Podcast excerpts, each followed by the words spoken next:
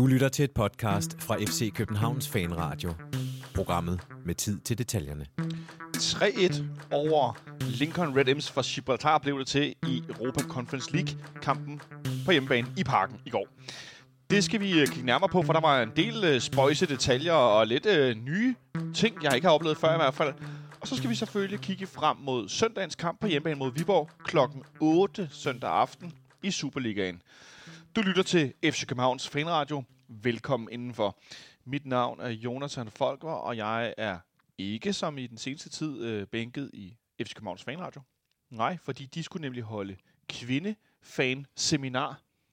Ja, og for dem, der ikke ved, hvad det handler om, så er det simpelthen en, en sammenslutning af kvindelige fodboldfans, der er gået ja, sammen om at styrke muligheden for, at man er kvinde på fodboldstadion og ikke bliver øh, behandlet øh, dårligt, primært af mandlige fodboldfans, og at man kan få lov at være, øh, være med.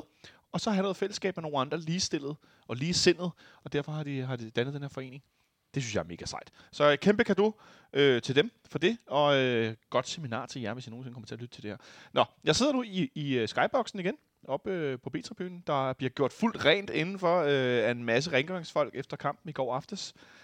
Øh, inden vi skal spille, som sagt, på søndag. Og jeg har i dag med mig to gæster. På min venstre side, der sidder... Øh, ja, jeg, ingen introduktion er nødvendig efterhånden, hvis I har lyttet med før. Det er måske en af de øh, mest vidende øh, FC København-fans om FC København. Ja. Øh, som, som jeg i hvert fald kender, Nikolaj Stenmøller, også kendt som Smølle. Velkommen til. No pressure. Uh, tak, tak, tak skal du have. Jamen, er det ikke rigtigt? Altså, det, man, man må jo godt sige, at man selv er, er god til noget. Jo, jo. Men øh, det, ved du hvad det sjove er? At, Ja. ja. Jeg synes, at det, det er i virkeligheden meget nemmere at huske mange af de kampe tilbage i 90'erne, end det er, øh, end hvad der er sket inden for de sidste 10 år, fordi der begynder det sådan at flyde lidt mere over hinanden. Det, øhm, Jeg kan også spørge dig på en det, anden det, måde. det, er en, det er en pussy udvikling. Nå, det, det er sjovt, det der. Jeg kan også bare spørge, hvad lavede du i går? Jamen, i går var jeg jo helt høj på øh, Conference League feber, og, øh, og, og stod og... Jeg har Okay, haft, jeg har haft okay, den der okay. åh, åh, kørende gennem hovedet øh, lige siden i, i aftes. Altså, øh, Europa Conference League i parken, det havde jeg ikke drømt om for et par år siden. Ej, det er fandme vildt. Og med det vil jeg præsentere dagens øh, anden gæst, øh, Mathias Stenstorp. Velkommen til. Tak skal du have. Øh, har du også... Øh, wow, wow, dum, dum, dum, dum, dum. Ja, ja, men den sidder fast. Jeg synes jo, det er, det, jeg synes jo egentlig, det er spøjst, at man har valgt at gå med den også til den nye turnering. Det er simpelthen Men, øh, UEFA, som jo ingen penge har, og ingen penge tjener på noget sindssygt. Har simpelthen valgt at genbruge en, øh, en hymne. Øh, Nå, Og- også i forhold til sådan at, at sælge den nye turnering. Altså, det virker bare meget halvhjertet, at man siger, ja, men ej, den nye intromelodi, ah, så vigtig den heller ikke. øh, har du lagt mærke til logoet? Det har jeg også lagt mærke til, ja. Li- ligner det noget, vi har set før med en anden farve? Det, jeg, ja, det, det jeg kan jeg synes, godt med. på. logoet ligner Beaker fra, fra Muppet Show, men det kan være, at jeg har set det forske- forkert. Altså, det, det, det er sådan en lille... Det ligner sådan en lille stridthåret mand. Ja, det gør det også. Øh, men jeg tænker også, det ligner... Øh, altså, det ligner jo meget øh, Europa League-logoet. Ja, ja. Det vil jeg kunne Næsten, hvordan nej, det, det, det, er, det er pokalen, der er skiftet ud, og så er det grøn i stedet for orange. Men det er i samme design og samme... Øh, Ja, det ligner, noget det der. ligner godt nok meget. Det er bare blevet grønt. øh, det er Øhm, det mindste nyt. Altså, for dum, altså, Ja. du ved. Der er, også, der er også en sidste ting, vi skal tale om, øh, i, i hvert fald at vende, og det er den her nyhed, der øh, kom i går om, øh, omkring, øh, at man undersøger mulighed for ny øh, selskabsstruktur i Parken Sport Entertainment, altså koncernen, der blandt andet ejer vores øh, fodboldklub. Det kommer vi til at have en meget lang snak om på mandag, og vi har nedsagt for Viborg-kampen, hvor jeg blandt andet forsøg, øh, får besøg af Michael Milhøj, som jo er økonom og FCK-fan. Så der, øh, vi kommer til at tale om det i dag, men vi tager en, en virkelig grundig gennemgang af det mandag. Der tænker jeg også, der måske er kommet lidt mere nyt ud om det, og der begynder at komme nogle artikler rundt omkring, kunne man forestille sig, så, øh, så det vender vi tilbage til. Men nu over til dagens første emne. Og en ting er, at vi i går skulle spille mod noget, som vi i opsagten tidligere på ugen fik, øh, fik øh, omtalt som værende noget, der kunne lyde som en, en pop. Nogle af os gerne ville hen på og drikke en fadøl eller to, måske sammen med... Ja, hvem, hvis du skulle på The Red Imp øh, sammen med en FCK-spiller, hvem skulle det være? Nå, jeg troede, du ville have mig afsted sammen med en, øh, med en, øh, en, en, en Red Imps-legende som Ray Cifolina. Men, øh, nej, men en FCK-spiller? Ja, det, Altså, jeg har, jeg har næsten været på pop med Heine Fernandes. Det er jeg ikke sikker på, at jeg Og det har jeg til gengæld. tør igen. En Øhm, nuværende. En nuværende? Oh. Uh, jeg gad godt øh, drikke et par bajer sammen med Ruben Gabrielsen. Han, han virker som en, øh, som en skæg fyr, der, der har gode historier. Ja. Ruben Gabrielsen. Og, og hvis han tager Mario også med, så tror jeg også, vi kunne få en ordentlig øh, sludder der. det Fordi, tror jeg øh, også, der vil... Det, det virker øh, som om, det kunne blive en skæg aften. tror jeg også, der vil dukke et par damer op ved bordet. Øh, Marius, han er en, øh, han er en flot herre. Øh, I'm- Mathias, I'm- hvem, I'm hvem, øh, hvem skulle du... Øh... Jeg synes, Marius er et rigtig godt bud. Jeg tror, jeg vil gå med Jens Dage. Det var også det, jeg fik sagt den anden dag. Jens Dage tror jeg ja. Godt, kunne, at han kunne være god for en, øh, en røverhistorie eller to. Det, det har du Nå, men han er også bare sådan lidt popspiller. På en eller anden måde. Altså sådan lidt engelsk sådan i sit... Øh... Ah, på den måde. Jeg tror du mente Men- pop, men- men som også- popmusik. Nå, ja, ah, det, det ved jeg ikke. Det skal jeg ikke kunne tage mig om. men, øh, men, men ja, han, han er måske den, der minder, minder mest om en britisk spiller. Og så er jeg kommet til at tænke over det siden, at vi lavede optag til kamp i mandags. Jeg vil gerne på pop med Kamil Gabata. Ja. Det tror jeg også, også kunne være Det tror jeg underholdende. det tror jeg også kunne være sjovt. Uh, om ikke andet, hvis nogen kommer til at vælte en øl, så tror jeg, han vil være rimelig kæk.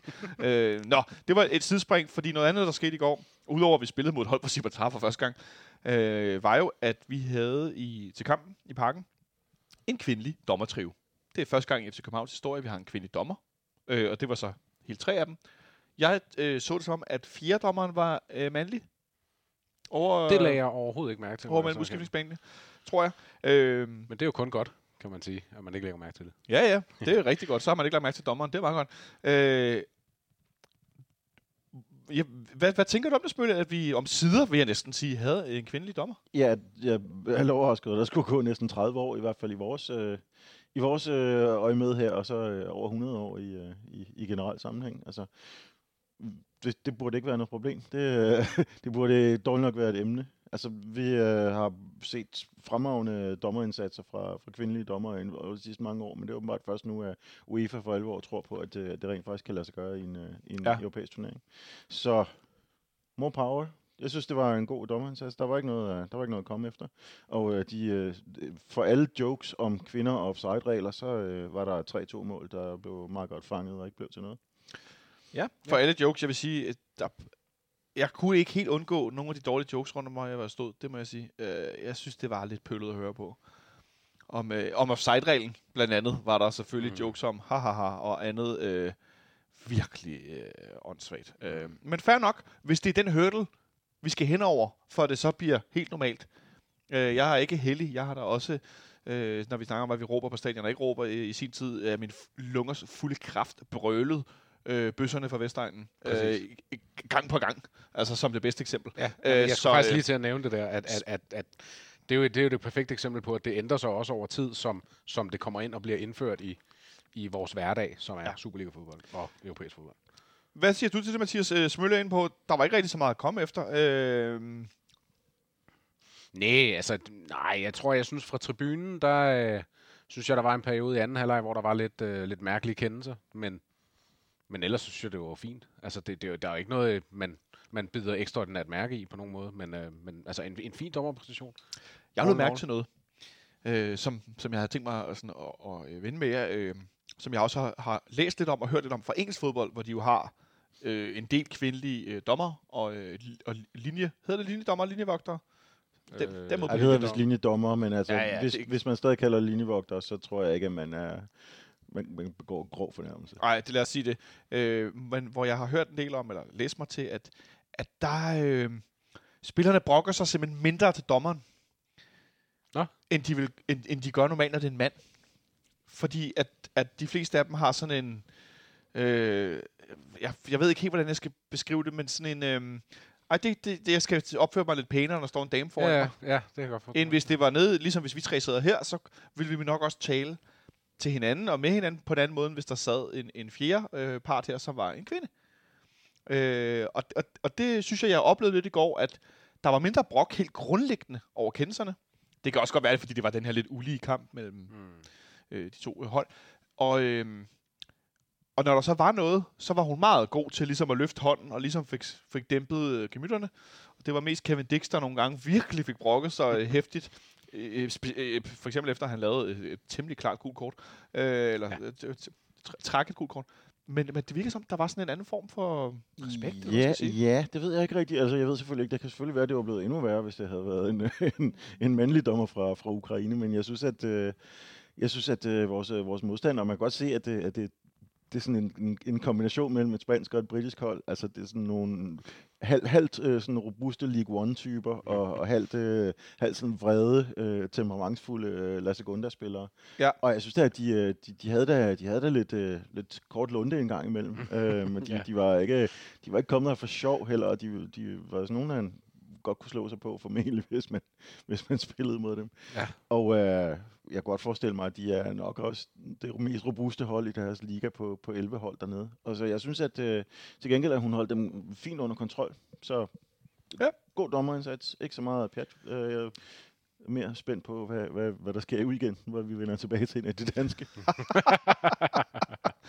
Ja, okay, men lad os bare rulle videre derfra. Jeg synes bare, det var nær- værd at nævne, fordi det er øh, ganske historisk med Ja, en kvindelig det- dommer og en kvindelig dommertrio. Ja. Det var selvfølgelig morsomt. tuning in to FC Copenhagen Fan Radio. You're listening to Atiba Hutchinson. Den fik jeg lukket ned. Nu skal ja, vi snakke om det den der fodboldkamp.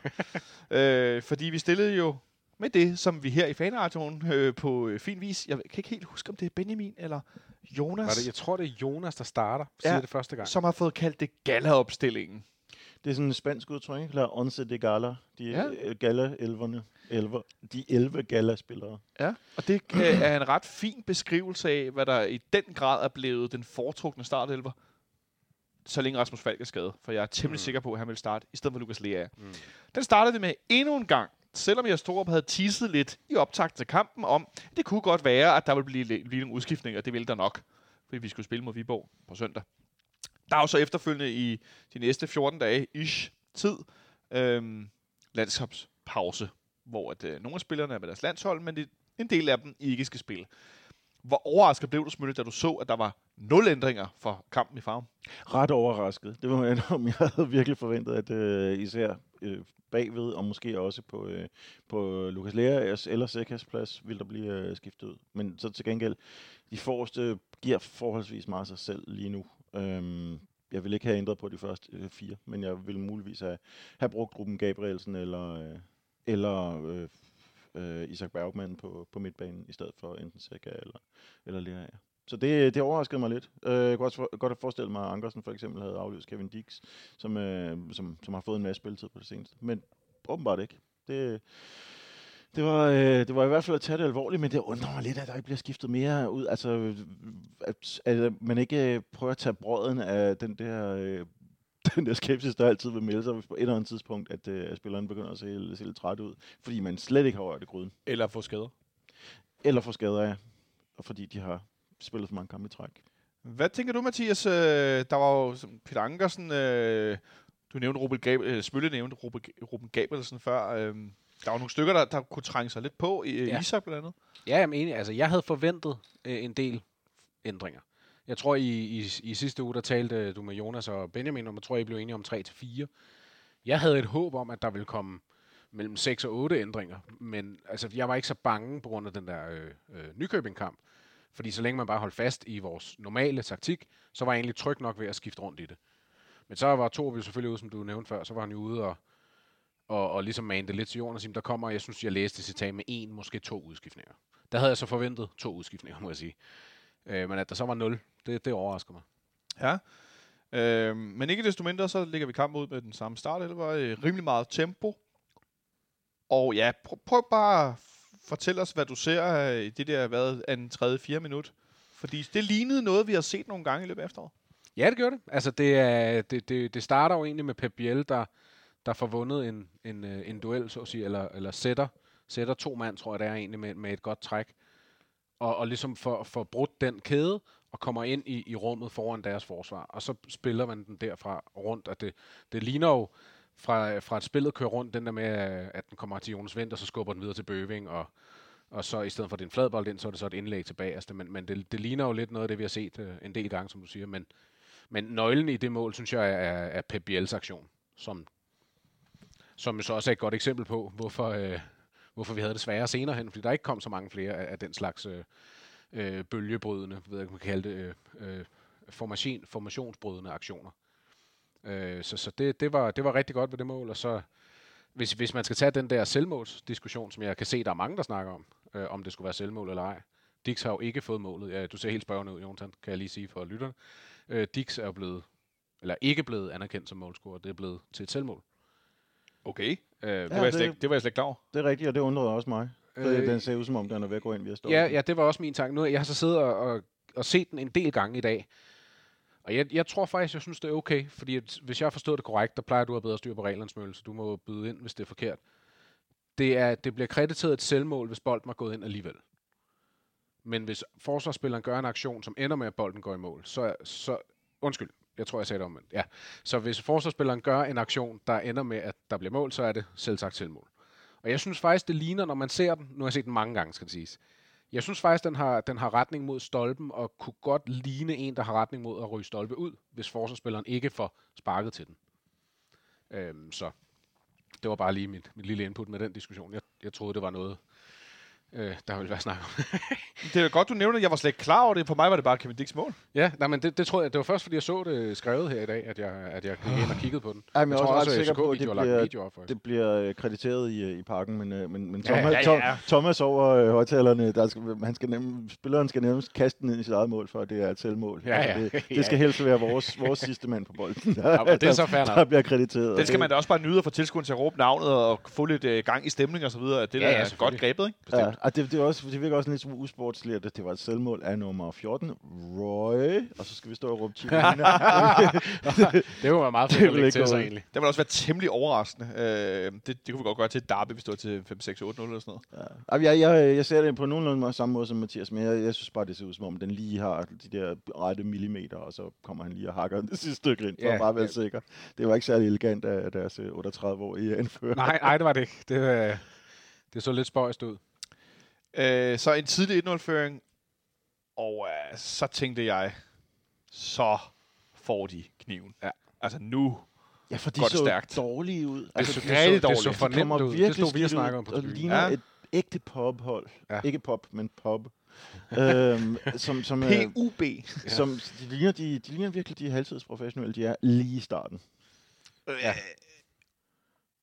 Jeg ved ikke. Vi har ikke fået den klassiske historie om, at den ene er hotelmanager, og den anden er brandmand, og den tredje er skraldemand, og vi har også en rengøringsassistent og, videre, og så videre, som man nogle gange har hørt om, øh, om det maltesiske landshold. Der har været nogle perioder, hvor at, øh, jeg husker tydeligt det med, at målmanden han var hoteldirektør. Det synes jeg simpelthen var så sjovt. Alt hvad jeg ved er ham deres anfører, der scorer selvmål. Han er toller. altså, det, er, jo- jeg, det, se. det, det er fantastisk. øhm, men øh, de lignede nemlig et pophold. De lignede Fyraftens proffer. Øh, Ja, det gjorde de. jeg ved ikke, om man kan kalde dem altså deltidsprofessionelle. Øhm, og jeg må sige, at jeg helt blankt forventede, at nu kører vi dem bare øh, midt over. Altså nu... Øh, Altså, Nu det var der ikke noget at komme efter. Min, det sagde jeg også til min sidemarker. Det, okay, det her det bliver en målfest. Jeg havde på forhånd, jeg havde forhånd tænkt sådan 2-0, 3-0 i, i det leje. Det var, det var egentlig, hvad jeg havde regnet med. Øh, men, men da det der mål så kommer lige med det samme, og skal der også huske at nævnes, lige efter er der en stor chance til Jonas Vind også, hvor han også får helt vildt meget plads inde i feltet. Og jeg synes egentlig, det, det er utroligt, at han ikke, han ikke sparker den ind øh, noget før, og bliver så blokeret, men men lige disse to aktioner, som skete i det hvad, 4. og 5. minut og sådan noget del, der, der, øh, der var jeg også sikker på, at det her det ville blive, øh, det ville blive maltraktering. en maltraktering øh, var måske det, jeg håbede på. Jeg håbede bare på, at de ville spille sig ud.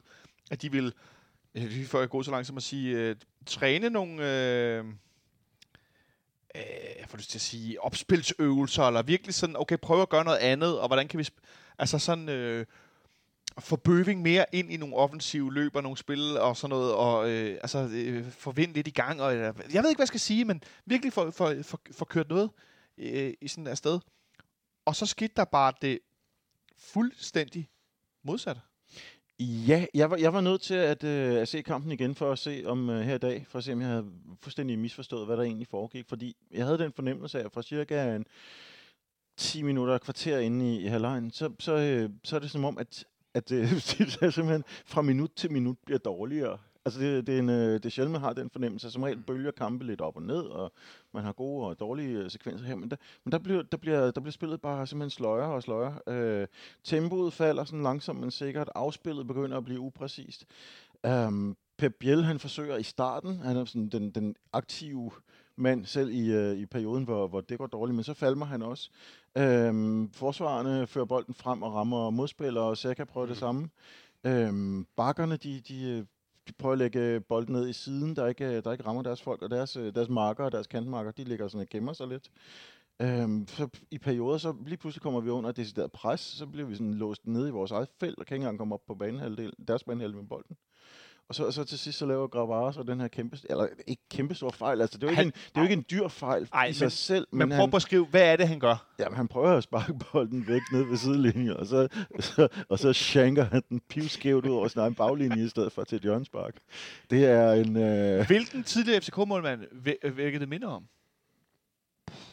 Creme Sasser engang imellem. Ja, præcis. Jeg, kom, jeg fik sådan noget Magnus Hilstedt. Han havde den der fod, der nogle gange sådan bøjet, og så blev bolden sådan skubbet henover, fordi han ikke sparkede hårdt nok til bolden. Altså, det, øhm, det, det, var, det var en slags kulmination bare på, på en lang periode, og det, Mm. det var på det tidspunkt, der var det bare gået langsomt ned ad bakke, og jeg griner, og jeg, bliver- det, lyder, det lyder meget kvævlantisk det her, fordi det, men det, det, man behøver ikke tage det så alvorligt, fordi det gik jo godt i sidste ende, men det var en af de dårligste faser, jeg har set FC København spille i overvis. Det var helt vildt. I årvis at smølle ind på. Hvor dårligt var det, Mathias? Ja, det, det var virkelig skidt. Altså, det, er, hvis vi snakker om, at det startede godt, så, øh, så, så blev, det, blev det rigtig hurtigt rigtig dårligt. Og jeg, jeg synes jo, det er vildt, at, at vi kan være så dårlige i så lang tid, altså når, når det ikke er et bedre hold. Altså, altså mere skal vi heller ikke tale dem ned, det er ikke så meget det, men vi bør simpelthen have kvalitet nok med vores startelver, som har spillet så mange kampe i træk, som er inde i en rytme og alle de her ting. Ja. Vi bør have kvalitet nok til at skabe noget mere vedvarende i løbet af den første halvleg. Altså når man ser highlightsene, jeg har ikke, jeg har ikke lige fået set hele kampen, men når du lige ser, genser highlightsene, så har der jo de to før omtalte situationer, øh, Kevin Dicks mål og, og Jonas Vinds chance lige bagefter. Og så den næste, vi har, det er jo, hvor øh, Lea han clear den egentlig på midtbanen og prøver at lægge den frem til en, og man kan se, hvordan han tror, at det er en fejlaflevering. Og så fordi der er noget, der går galt, så ender det med at være en stikning til Bøving, der så skyder på mål. Ja. Efter sådan noget 30-35 minutter, tror jeg, vi er henne i. Ja. ja, det er efter deres mål, og der øh, på det tidspunkt, der står det 1-1 i afslutninger for mål. Altså, Mm. øh, Ej, men det, det er jo helt bizart. Ja. Der ved jeg så ikke faktisk, om Dixis tæller, hvis den bliver regnet som en selvmål, fordi den må vel så faktuelt ikke have, have kunnet tælle som en afslutning på mål. Men øhm, det vil jeg så i øvrigt sige, at øh, jeg tror faktisk, at Dixis er tættere på at være på mål, end det, som de scorer på, fordi den bliver rettet Mm. gevaldigt af, og den ser faktisk ud som om, når man ser den i super slow, at øh, den han er ved sk- skære den langt Ja, men ud, den ud, skifter langt udenom, og udenom mål Ja. mod højre side, så, øh, og så rammer den lige, øh, jeg mener det er det igen staten rammer. Der rammer det nemlig en stat, der vender ryggen halvt til, øh, og så Efter den andre på foden. noget forfærdeligt dårligt oprydningsarbejde. Øh, Igen, det er ikke, det er ikke Grabara, der laver den sidste dårlige indsats omkring det mål der. Det er, de, øh, det er Vind og Dix, der, der slet ikke får ryddet op. Og så er det resten af holdet, der slet ikke kommer i nærheden af ham, der skal... Og hvad var foregående for det mål, Mathias? Det var dødbold. Det var der så med en dødbold. Undskyld mig for at lyde som den ældste, mest sure, bitre gamle mand i Nordeuropa. Men hvad pokker er det, der foregår med det der defensive spil omkring dødbolde? Vi ser det i farven forleden. Der er det bare et frit hovedstød. Bang, Ja, værsgo. den, den var rigtig gral. Men det her igen, den bliver ikke clearet over. Det bliver hættet en, to gange. Den bliver ikke sparket væk. Man får ikke rigtig presset frem. Jo, så får han sparket, den bliver rettet af. Men, men, men øh, Mm. Jamen, jeg er fuldstændig enig, og øh, det, jeg kan også afsløre, at det er noget, vi kommer tilbage til, når vi skal snakke om Viborg. Uff, uff, uff, uff. og så, så, så, så, så har de pludselig kunne hjælpe med scoret herinde. Hvad, jeg, nu er jeg jo ikke sådan en, der gambler, men hvad, hvad, altså, oddsene må have været tårnhøje på, at de fik scoret. Jeg, jeg så det ikke, men jeg går ud fra, at de har været øh, de der lidt ligesom 10 på udebane mod Madrid. Bare Ja. sådan, lidt samme historie på et højere plan. Præcis. Uh, Tierspol, som vi jo mødte for nogle år siden, Mm. uh, i- for den her vanvittige region i, uh, i ja, hvor pokker er det henne? Uh, Moldova, eller Ja, Moldova i Transnistrien. Transnistrien. Ja. Uh, et helt bizart sted. Uh, Vi, fik, vi nåede for at udpege det som en af vores mest weird øh, Ja. ja. destinationer til, øh, til Europa-udkampe, og det må man jo så sige, at øh, de, de vil få sat det på landkortet, hvis de overhovedet har et landkort, der kan officielt godkendes af FN. Ja, en, øh, en altså jeg ved ikke, om det, de prøver at kalde sig en republik i... Er det en udbryderrepublik? Det er Ja. en enklave. I, En øh, klave, ja. Øh, som, som i virkeligheden hellere måske vil opsuge sig Rusland, eller, eller i hvert fald være ledet af ledet af tidligere KGB-folk, og jeg ved ikke hvad. Øh, der, der, jeg, er det rigtig dårlig podcast det her, men jeg læste en længere artikel om det den anden dag. Jeg ved ikke, om det var for information, der var hen. Den var i hvert fald åben og til at læse på, øh, på, øh, på, på, på en dansk avis hjemmeside. og det- er en øh, bizarre historie øh, med det der sted i Europa. Men så står den 1-1 mod et hold fra Gibraltar. Må, øh, må jeg faktisk lige tilføje det der mål? et par minutter før målet, der har de jo også en dødbold, Ja, ja. som faktisk øh, også bliver ret farlig, og hvor de også kommer til et langt ud. Det er ret identisk Et, situation. et frispark, som er lidt tættere på en hjørnesparke, som bliver sparket virkelig, virkelig godt. Meget, meget tæt på mål. Nå, var det Øh, frispark? Nå, det har jeg set Jeg er ret sikker på, det, ja, det, det er et frispark, men det er også en dødbold.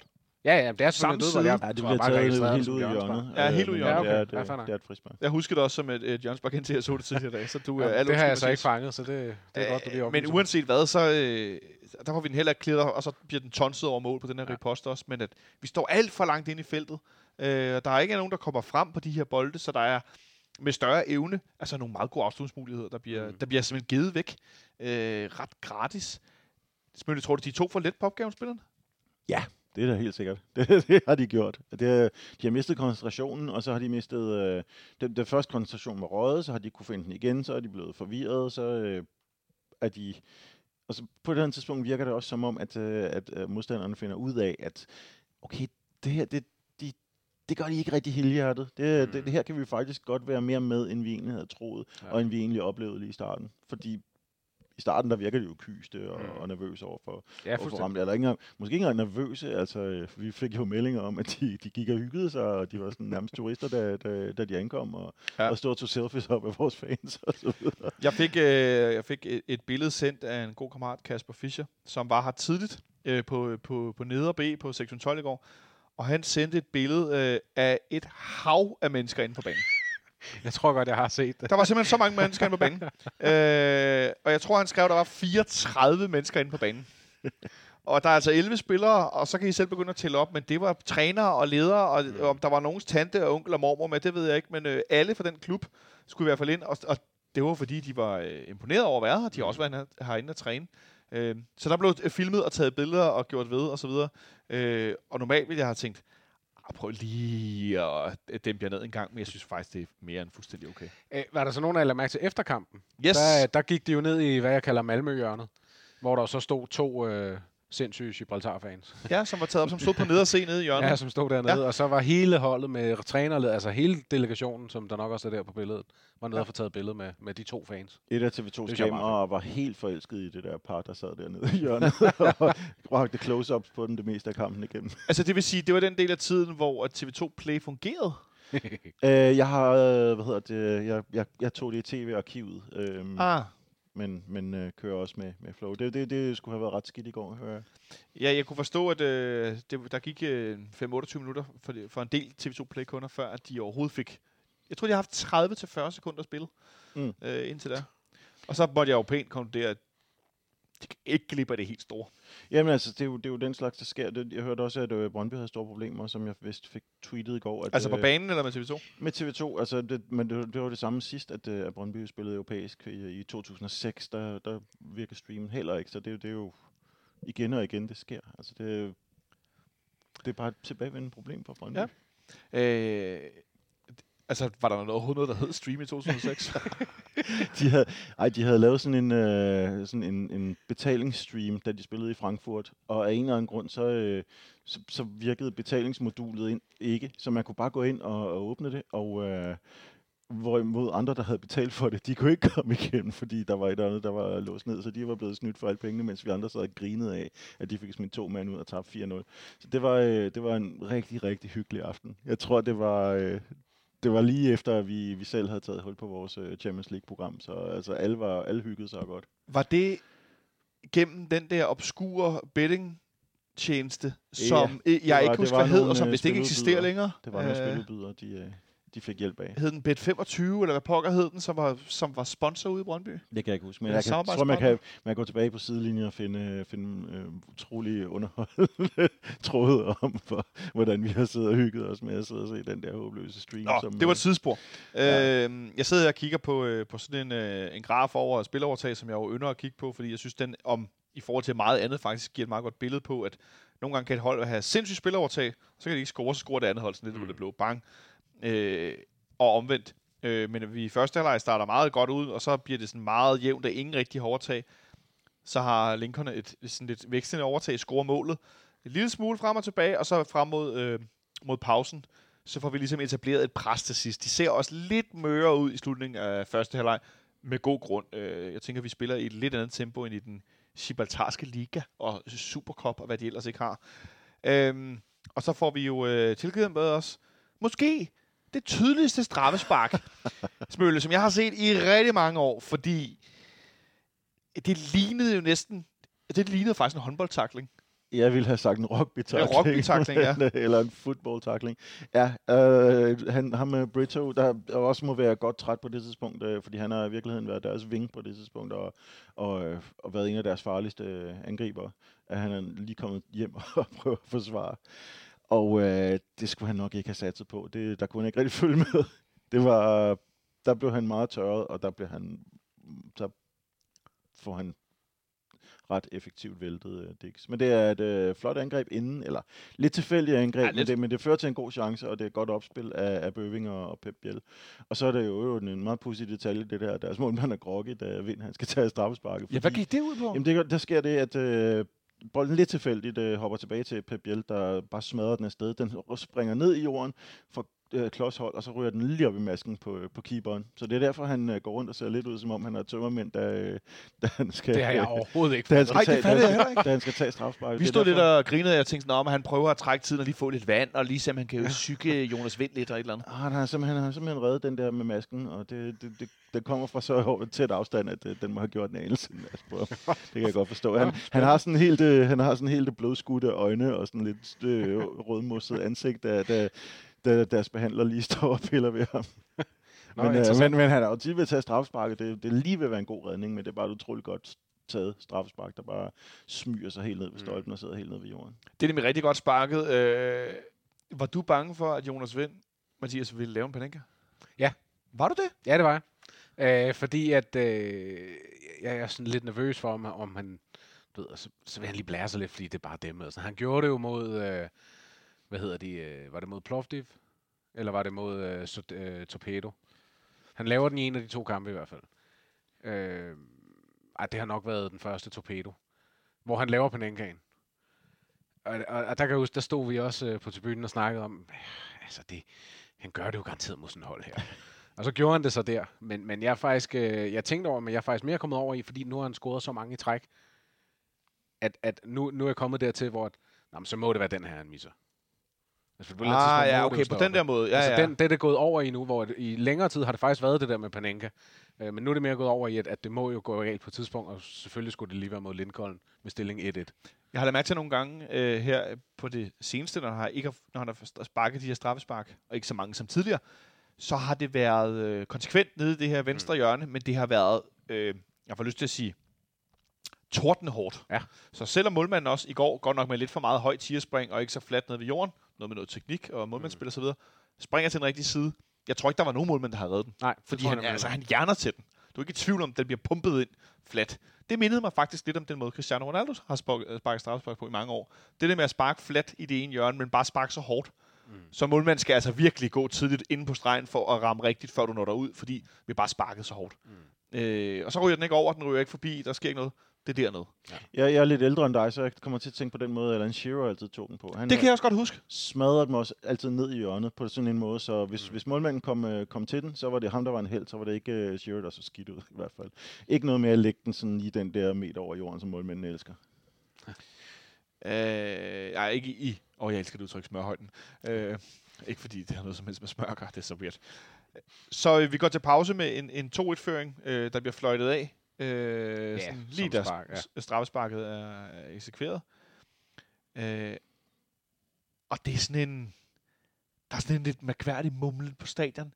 Øh, nu er vi inde på Jonas Vind scorer det her straffespark. Vores gode ven, Benjamin Dane, han var rødglødende i vores øh, interne øh, gruppesamtale undervejs omkring Jonas Vinds indsats.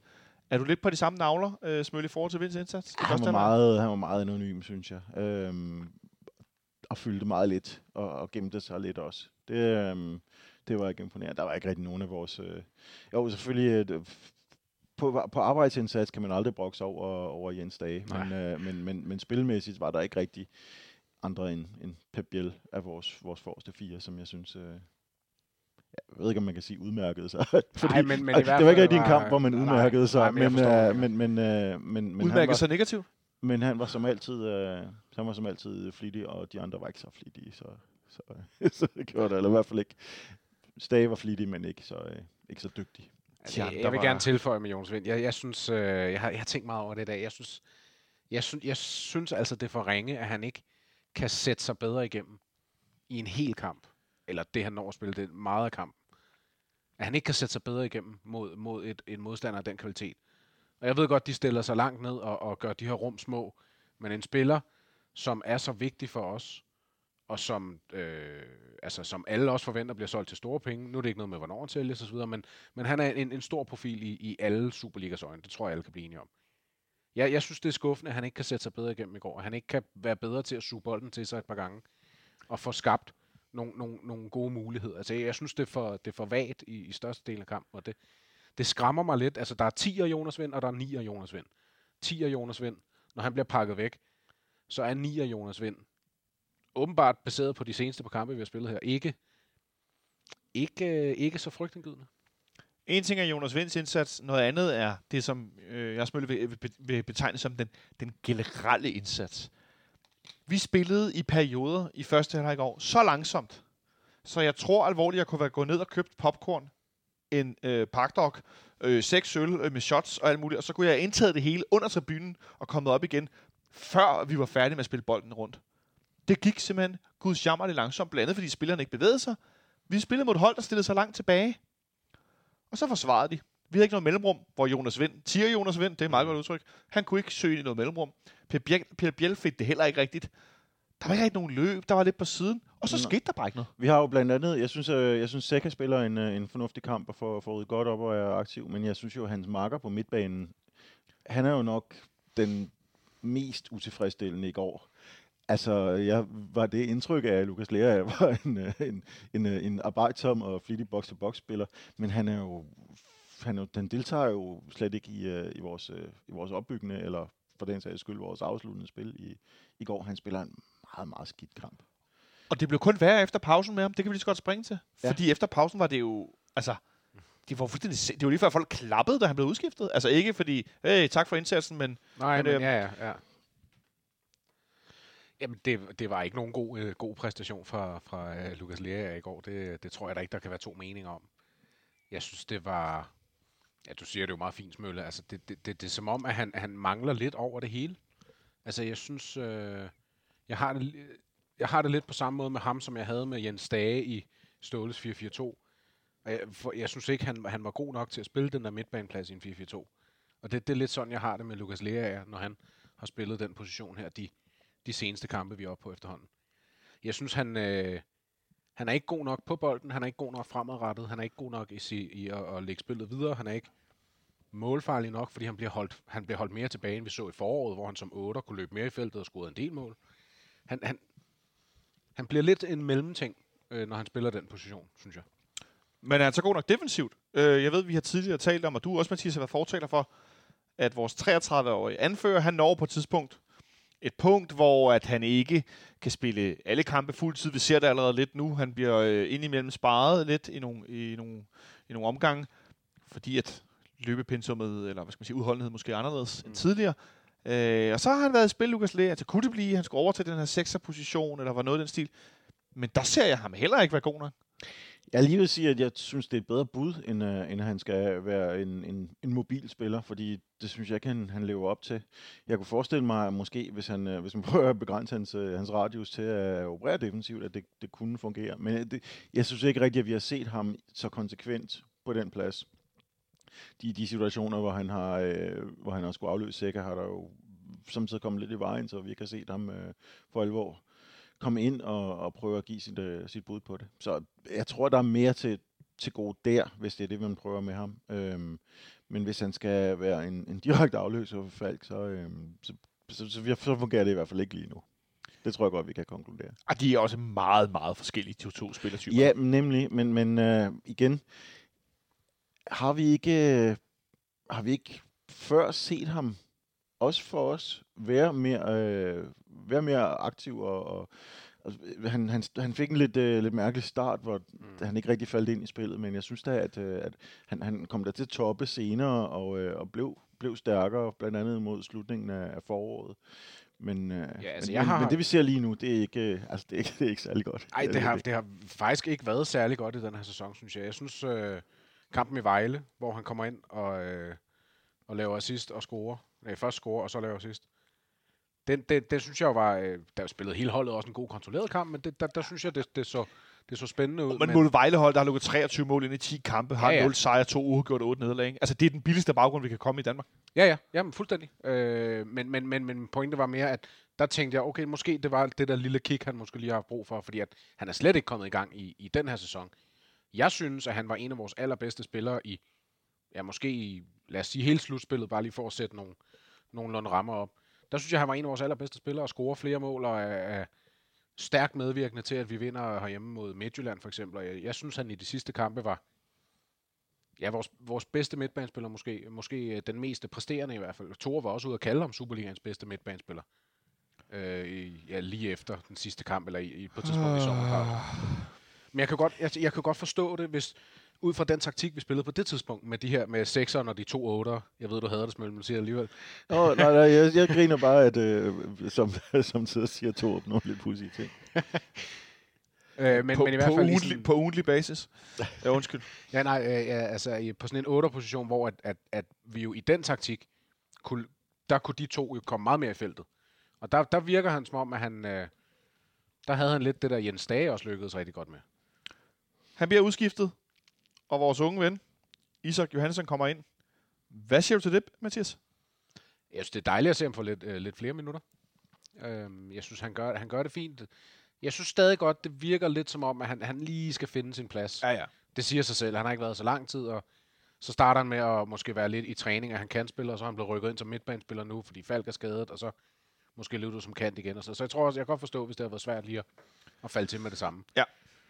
Men øh, jeg, jeg, jeg synes jo, han går ind og viser nogle gode ting i sit spil. Øh, den, den store, det er vores store dobbeltchance i anden halvleg, øh, hvor øh, Ankersen han hjerner den på, på indersiden af, af trekantsammenføjningen. Den stod, altså nu, nu øh, jeg ved, du står længere til højre for mig, Mathias. Du står næsten for langt til højre til den afslutning. Øh, ja, jeg stod godt. Jeg, jeg har ikke kunne se den på banen, ind, som, som jeg tænker, du skal til at fortælle, du kunne. Øh, og jeg ved selvfølgelig, du står længere til venstre for mig. Du har også set den lidt langt til venstre, men jeg kan afsløre, der, hvor jeg står på grænsen mellem C10 og C13, der stod vi simpelthen nærmest i boldens linje Ja. ja. på vej mod mål.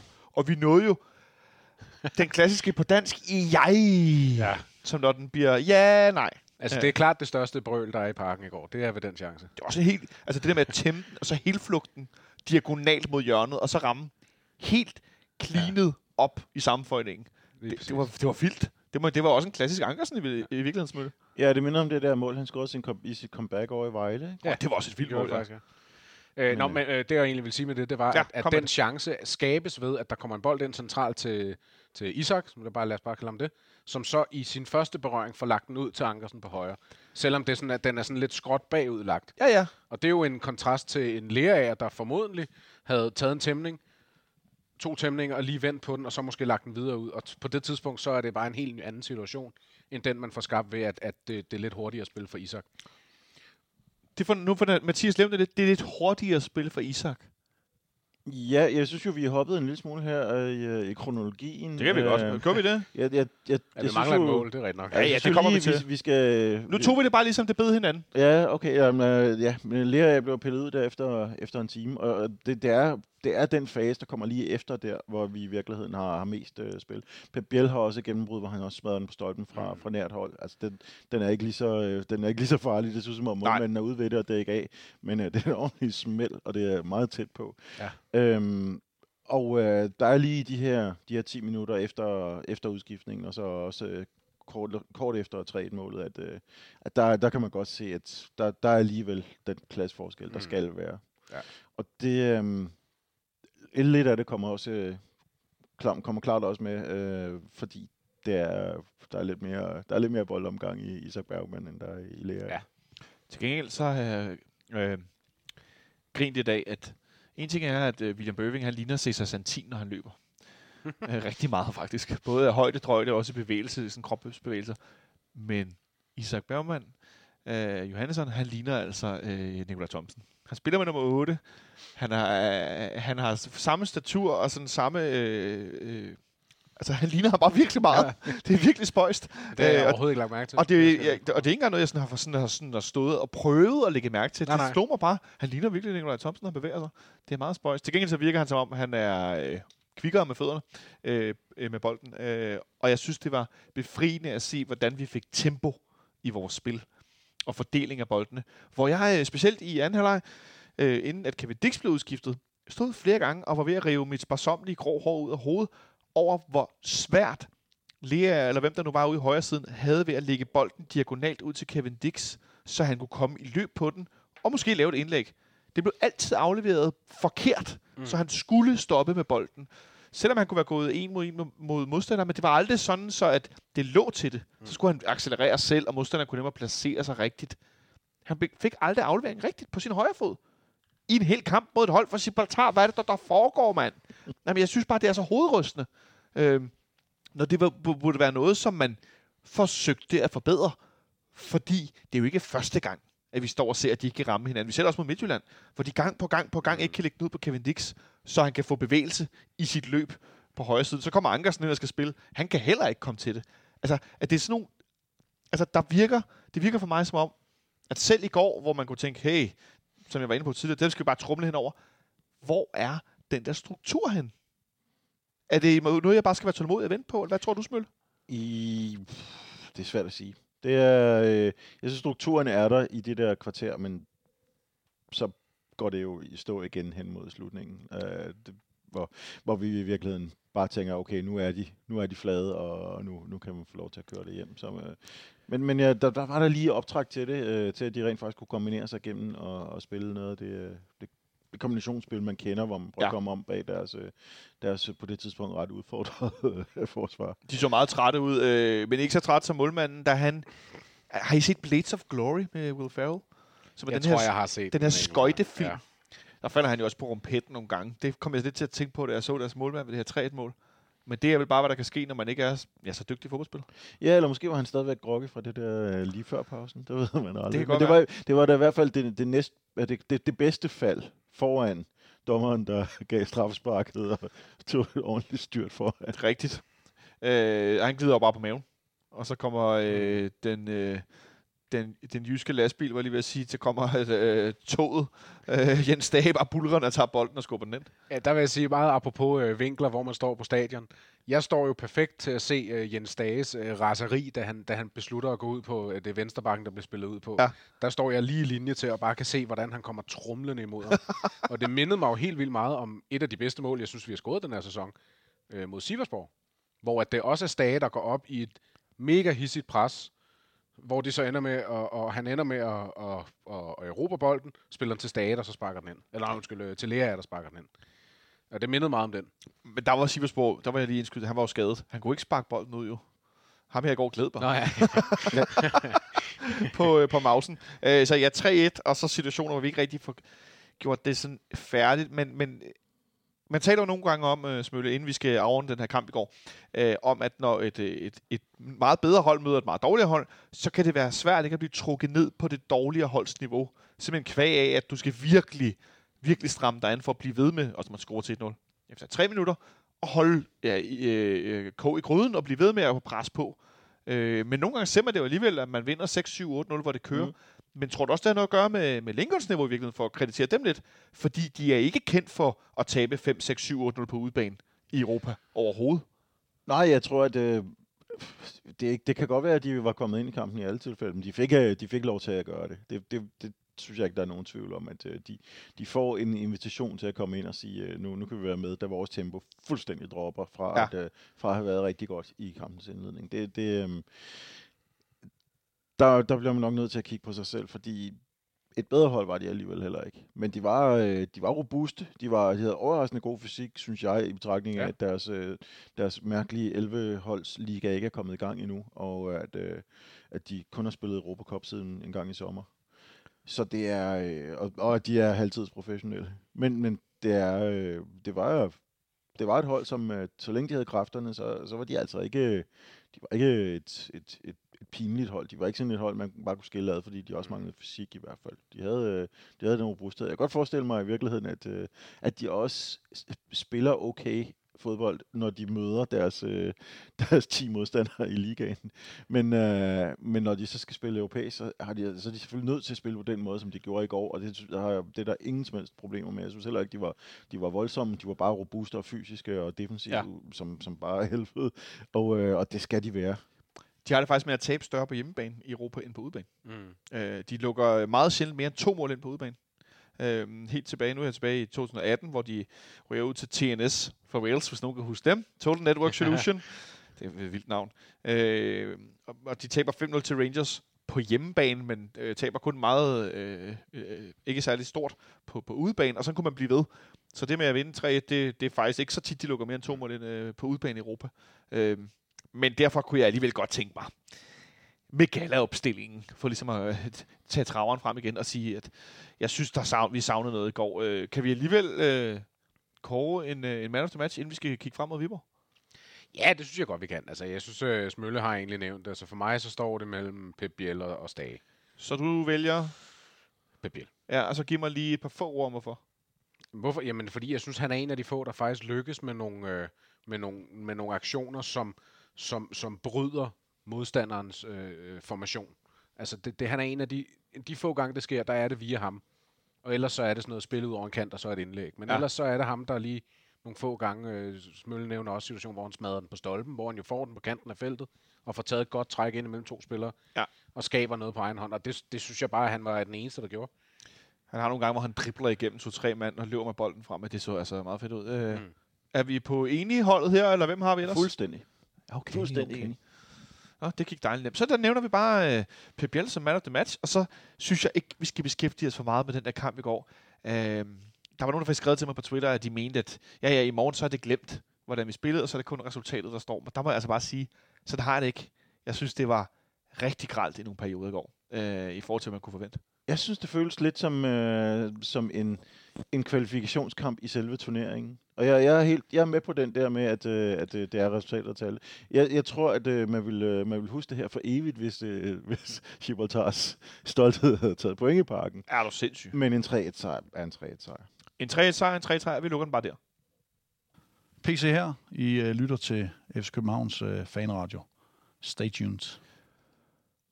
Men en lille hilsen fra den nu eneste skaldede øh, person, vi har i den sportslige ledelse.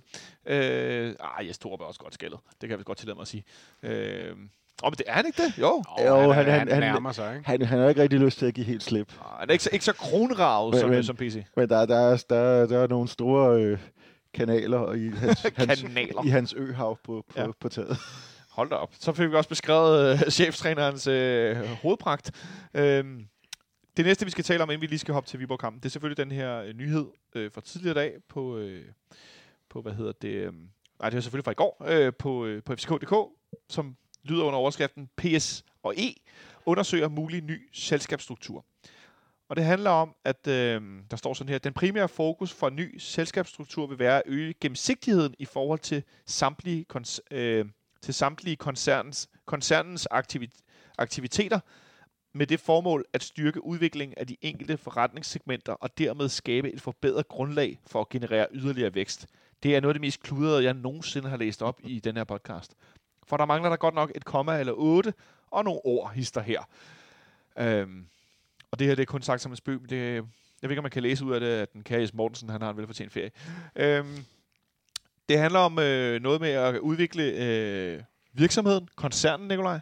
Øh, der står blandt andet her undervejs, udgangspunktet for undersøgelserne af ny selskabsstruktur vil være etablering af en struktur, hvor samtlige koncernens forretningssegmenter fremover drives i selvstændige helejede datterselskaber. Nu er vi jo ikke forretningseksperter. Vi er jo ikke økonomer. Som sagt, Michael Miller kommer herind på mandag og hjælper os med at blive endnu klogere på det her. Øhm, men hvad er dine umiddelbare øh, tanker, når du, når du hører det her og læser det? Ja, altså, min første umiddelbare var, tanke, det var, nå, der er nogen, der skal til at sælge deres klub nu. Men, øh, ja, hvorfor tænkte du det? Ja, det er fordi, jeg tænkte, det, det virker jo som en, en, en måde at gøre det lettere på, at, øh, at skille selskabet ad, hvis, øh, hvis man kun kan sælge dele af det, så som for eksempel fodboldklubdelen. Ja. Øhm, og en ting er, du, du nævnte lige, at der stod, at det, det var, der var tale om hele ejede øh, datterselskaber. Ja. Men altså, et datterselskab er kun hele ejet indtil, at øh, det ikke er det mere. Ja, ja, ja. øh, det vil så sige, at øh, hvis man, hvis man øh, omstrukturerer et datterselskab, for eksempel, nu kommer vi jo nok til at tale om, om udvidelse af, af parken, og man for eksempel ikke selv har råd til det, så vil man få investorer ind udefra, og det vil være nemmere at gøre, end hvis man har en koncern, hvor de skulle være, hvor investorerne udefra kan, skal, skal ind og være en del af, af aktiegrundlaget der. Det kan man så nøjes med at gøre inden for stadiondelen. Kunne man så forestille sig, at øh, nogle af dem, der købte sig ind, som jo nu, nu ved vi, der er blevet lagt 2 millioner kroner i en, i, en, i en undersøgelse af muligheden for at udvide pakken. Og kunne man forestille sig, at det var nogle af de interessenter, der kunne så købe sig ind i at være medejer af pakken? Men det tror jeg er fuldstændig uundgåeligt, hvis man også skal lave en eller anden form for opgradering af parken, fordi jeg tror bestemt ikke, at øh, øh, parken eller FC København selv har råd til det. Øh, ikke, ikke ud fra de øh, forudsætninger, der bliver, der bliver lagt op. Fordi det er jo ikke kun, det er jo kun et spørgsmål om at, at, at lægge 12.000 nye pladser ind. Altså, der skal laves... Øh, nogle huse skal formentlig rives ned, andre skal bygges op om bagved. Der skal laves øh, en masse andre forbedringer, og det skal... At det bliver et Ja. dyrt, dyrt, dyrt projekt. Og vi- stort. og stort, og vi har ikke, øh, for det første vil jeg jo sige, vi har ikke råd, eller vi har ikke plads, øh, brug for, det er det, jeg vil sige, brug for, ikke råd eller plads til. Vi har måske plads til, vi har helt sikkert ikke råd til, men vi har heller ikke nødvendigvis brug for 50.000 pladser herinde jo. Altså det, det, DBU vil gerne have 50.000 pladser. Vores klub har været ude og sige, at jamen, det, det, det er jo ikke rigtig nødvendigt øh, det meste af tiden, øh, men vi kan da godt lige kigge på det. Men det, der hele tiden har manglet, det er, hvor pokker skal de penge fra, komme fra, og øh, hvor mange huse kan man rive ned, som giver overskud for at øh, bygge nogle, øh, nogle pladser på et stadion, som man ikke nødvendigvis har brug for. Og øh, så er der den næste del, som er interessant, som øh, du lige kan få lov at sige lidt om, inden jeg spørger Mathias om det. Øh, hvis nu øh, det her lod sig gøre, at man ligesom øh, satte fodboldklubben for sig, men også så stadion, altså parken og kontortårnene for sig i to separate dele, tror du så, man kunne se i fremtiden, at vi skulle lege os ind i parken for at få lov at spille herinde? Altså, det, det, det kommer selvfølgelig an på, hvor, øh, hvor, hvor lille en del af, af stadiondelen, men på det tidspunkt vil stå som ejer af. Hvis man stadigvæk ejer hele stadion og ejer hele klubben, så er der jo ikke noget problem med, Nej. at, øh, så er der ikke noget med, med, at man skal lege sig ind. Men hvis man lige pludselig har, øh, har udstedt øh, øh, aktier til, øh, til, til en investor, der er kommet med, med over halvdelen af pengene, så vidt jeg kan regne ud, i hvert fald ud fra min beskedne øh, selskabsretsviden, så kan man godt have endt i en situation, hvor det ikke længere er FC København eller, F- eller Parken øh, Sport og Entertainment, som ejer selve parken, fordi man har, man har ikke aktiemajoritet. Og så er det, man nærmest taler om, at øh, så, så, så er man blevet lejer i sit eget stadion pludselig. Så man pludselig øh, altså så står en situation, hvor man er lejer herinde. Ku- Kunne man gøre, Mathias? Jeg tænker også noget med, at øh, mængden af penge, at øh, beløbene, man så tjener på for eksempel at holde koncerter, der kunne være endnu større, hvis der var 50.000 pladser. Hvis det var et opgraderet stadion, kunne man også have endnu flere, øh, nu sidder vi i en skybox, hedder det, er sådan nogle VIP-boxes, kunne man nok have endnu flere af. Jeg tænker kun i, man kunne generere flere penge. Mm. Øhm, hvad synes du, øh, lad, nu, nu leger vi bare med tanken om, at vi så skulle lege os ind for at spille herinde.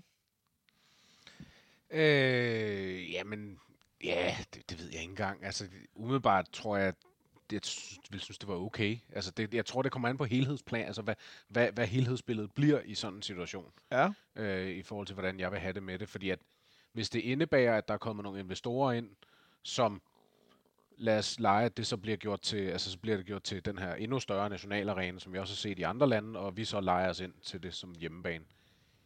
Jamen, så er det vel en win-win for alle. Hvis vi får, altså vi får sådan et af de, altså vi får et rigtig stort stadion, som du siger, flere koncerter, flere alle mulige ting, vi kan generere ud fra det.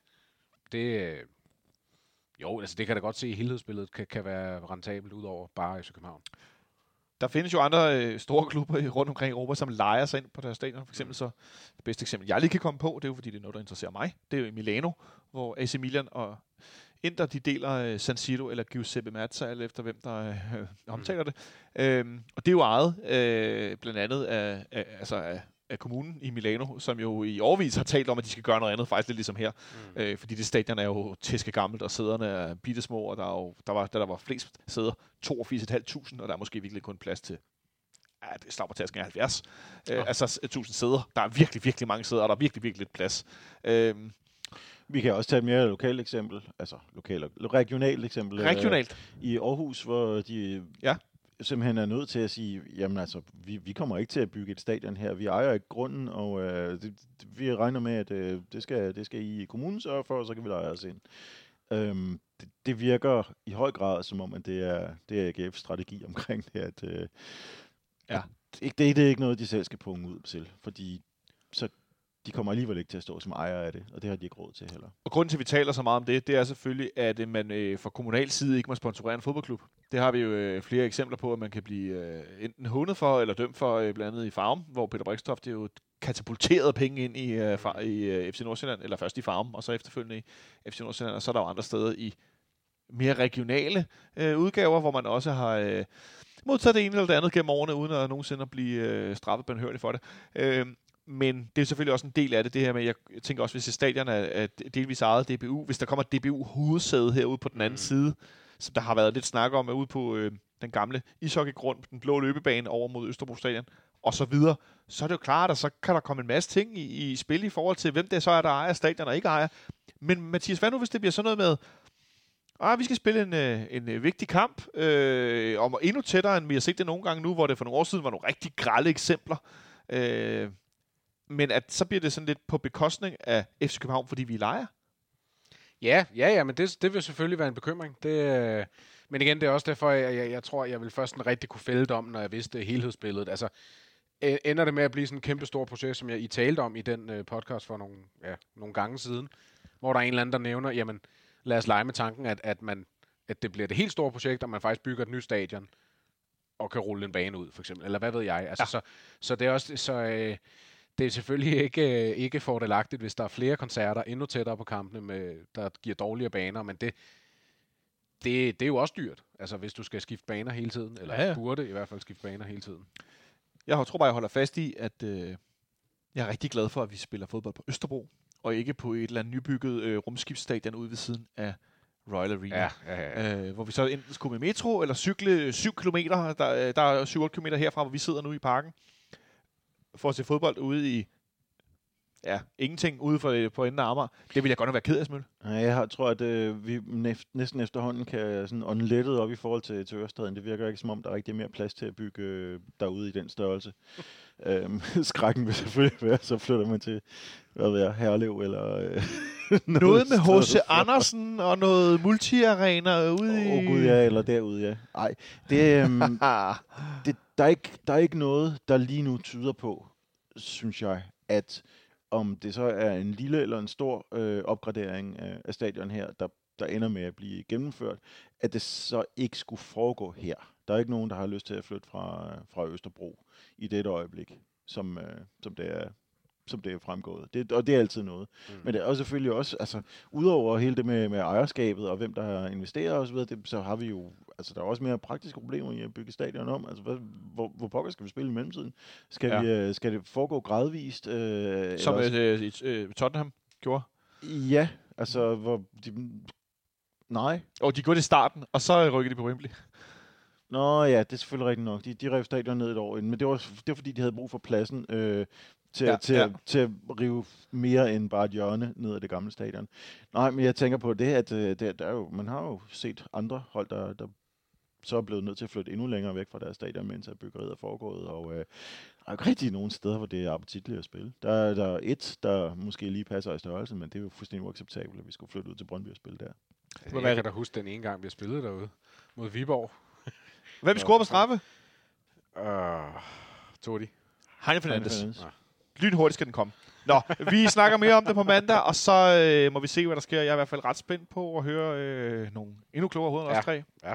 Feel no pressure, Milhøj, når du hører det her. Øh, det tager vi på mandag. Og inden vi skal tale om Viborg-kampen, så skal I da lige have en lille quiz. Ja, præcis. I skal strække jeres grå øh, øh, celler op øverst, og så skal I svare på det ganske simple spørgsmål. I kan få lov bare at sige årstallet. Hvornår tabte vi sidst en fodboldkamp til Viborg FF? Ja, hvornår tabte vi sidst en fodboldkamp til Viborg FF? Jeg kan fortælle så meget som, at det var en fodboldkamp, jeg var til stede til. Øh, og det var en fodboldkamp, som øh, havde øh, flere overraskende øh, elementer. Men øh, det var en, øh, ja, en fodboldkamp, hvor vi tabte. Lad os bare sige det. Øh, Er det bare årstal? vi skal bare have et årstal. Det, det må jeg gerne få. Viborg er jo ikke nogen, som har... Nu har de været lidt øh, elevatorhold. De har været, vi har faktisk ikke mødt Viborg siden 2016. Så fik I lille hjælp. Jeg tror, det er 2004. Du fik gættet 2004. Hvad siger Smøl? Jeg tror også, det er 2004. Jeg gætter på den kamp, hvor Vilja spillede mod Gorica, og øh, hvor vi taber 3-2 i- til Viborg i samme weekend, efter at have ført 2-0. Og jeg kan afsløre, at I har ret fuldstændig begge to, og det er der selvfølgelig den kamp. Øh, den gode gamle Superliga, jeg kan godt til mig at sige legende, Iman Splaidetis, scorer to mål øh, i en kamp over i Viborg med øh, 4.247 tilskuere. Det er øh, Magne Hosets debutkamp. Han øh, er ikke involveret i nogen af målene. Jesper Bæk scorer, Michael Silberbag scorer vi foran 2-0. Og så er den der Gorica-ting ligesom vasket væk lige indtil at anden halvleg af Claus Kjærgaard og øh, Blaidetis de får scoret. Øh, en kamp, hvor ellers andre smukke legender som øh, Janne Seinen spiller 90 minutter. øh, øh, Linderoth spiller, får selvfølgelig god kort. Peter Møller spiller. Martin Berger er på banen, og der er andet flot. Øh, Ole Tobiasen. På bænken sad Dan Tomet, også kendt som Dan Thomasen. Nå, det var et lille sidespor. Det var den der Viborg-kamp. Dem skal vi møde på søndag klokken 20. Jeg har ikke undersøgt, hvorfor det først er klokken 20.00 på en søndag aften, vi spiller. Men jeg gætter på, at det har noget med Formel 1 at gøre. Er det for, for, er det for fordomsfuldt? Jeg har ingen anelse. Øhm, Øh, jeg mener det er på grund af landsholdspausen. Der Er det landsholdspausen? Ja, så det vil sige, at den kamp, der lå mandag, bliver rykket ind til søndag. Så der kommer en søndag kl. 20. Det, sådan, har- sådan var det også foran sidste pause. Tak, fordi du gør mig klogere. Øh, men det, det behøver det da ikke være passer- klokken 8. det passer Nå, med det er den, fordi, det skal rykkes ind. Du ved, så er der to kl. 2, så er der en kl. 4 og en kl. 6, og så kommer den sidste. Kan vi ikke bare spille to klokken 6? Det må du snakke med tv-selskaberne om. det er match of the week, jo. Det er Brøndby, der spiller lige inden. Men øh, jeg må indrømme, jeg, jeg går lidt mod øh, strømmen her, men jeg elsker den kamp øh, klokken 8, og den i går klokken 9. Jeg elsker de sene. Du er også Men, lidt øh, spansk. Ja, jeg er lidt, øh, og jeg er kæmpe B-menneske. Jeg, jeg ved, at øh, det får øh, A-mennesker over hele byen til at øh, skrige, at vi spiller på de tidspunkter, men jeg, jeg er helt vild med det. Man kan ovenikøbet nå at spise og få et glas vin først, så alt er godt. Jeg har det mest i forhold til, jeg synes, det er rigtig fedt, når vi har weekendkamp på hjemmebane, og vi nu har en bunende, øh, fyldt familietribune. Og det er ikke særlig øh, fedt med de her børn og så videre, at den kamp først er klokken 8. Og hvis jeg ikke tager meget fejl, så er der der på søndag Copenhagen Playday ja. præcis. ude i fældeparken med alle mulige aktiviteter og ting, børn kan prøve, og man kan altså øh, sådan nogle forhindringsbaner, og man kan jonglere, og man kan gøre alt muligt. Der sker sindssygt meget i fældeparken. Mm. Så er kampen først klokken 8. Det, det, det, det, det, det, øh, ah, det ærger mig helt vildt meget. Ja, det, Det er nok sige. blevet fastlagt, før øh, kamptidspunktet blev fastlagt. Det var det nemlig. Øh, og der er jo mange af de her øh, børnefamilier, som har været til Copenhagen Playday. De kan ikke holde ud til klokken 20. Nej, det kan de da ikke. Altså, og så de kan da overhovedet heller ikke holde til kampen bagefter. Nej, øh, til det synes jeg bare, det er ærgerligt, og det er faktisk mest sådan noget, det handler om for mit vedkommende. Jeg kan også godt leve med kampen kl. 8, og i går, der kunne jeg mødes med vores gode ven, producer her i podcasten, Martin Lorentzen, og så kunne vi spise meget på et stykke tapas. Ikke så langt herfra nede i Rysgade, det kan jeg anbefale. Øh, og så drak vi en øl og snakkede, og det var fint, og vi var herinde øh, 50 minutter før kampstart, og alt var godt. Men altså, ah, jeg synes, det er på en søndag, det er lige...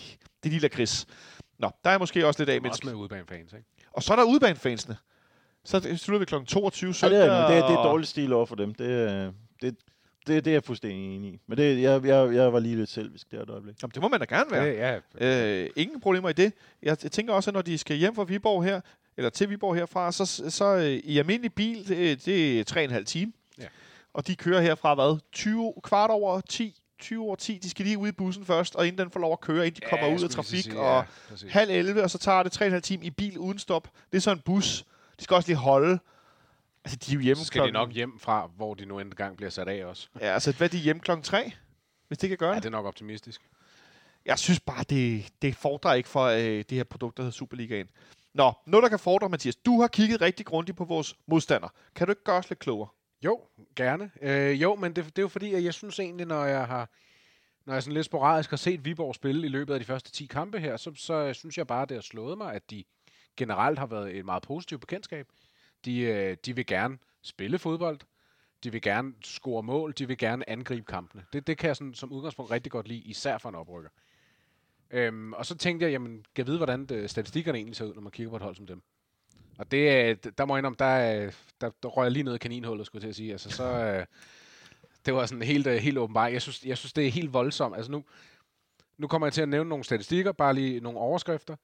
Og så, når, øh, Smølle, når du synes noget lyder interessant, så du bare ind også, ikke? Øh, ja. Øh, det, det, det, jeg, det, jeg vil minde om, når jeg nævner de her statistikker, det er, at Viborg de ligger nummer 10 i Superligaen. Ja. Så nummer 10 i Superligaen efter 10 runder har flest afslutninger af alle. Af i alle ligaen. hold. Af alle hold i ligaen. De har flest afslutninger, der er blokeret af alle hold i ligaen. De har flest afslutninger i feltet af alle hold, der er i ligaen. Flest afslutninger uden for feltet også. Det, det er der ligesom op, så noget af det giver sig selv. De har tredje flest afslutninger på mål. Næst, fle, næst højst uh, expected goals af alle hold i ligaen. De har flest chancer skabt, og tredje flest åbne chancer skabt. Det synes jeg er fuldstændig vanvittige tal for et hold, der ligger nummer 10. Og så er quizzen nu til Smølle, der ikke har set det. Hvor mange mål har de scoret? Og det, Det det er 10 kiggede kamp. Det kiggede jeg. De har scoret 13 mål. De har scoret 13 mål i 10 kamp, men de har produceret et hav af afslutninger og chancer, kan jeg jo forstå. Ja, Øh, og, og, og, og det, det er jo sådan et af de steder, hvor at, så kan man sige, det er så derfor, de ligger nummer 10. At 13 mål har de scoret, men de har en scoringsprocent på 10,3 procent. Så det er hver 10. afslutning, der går ind.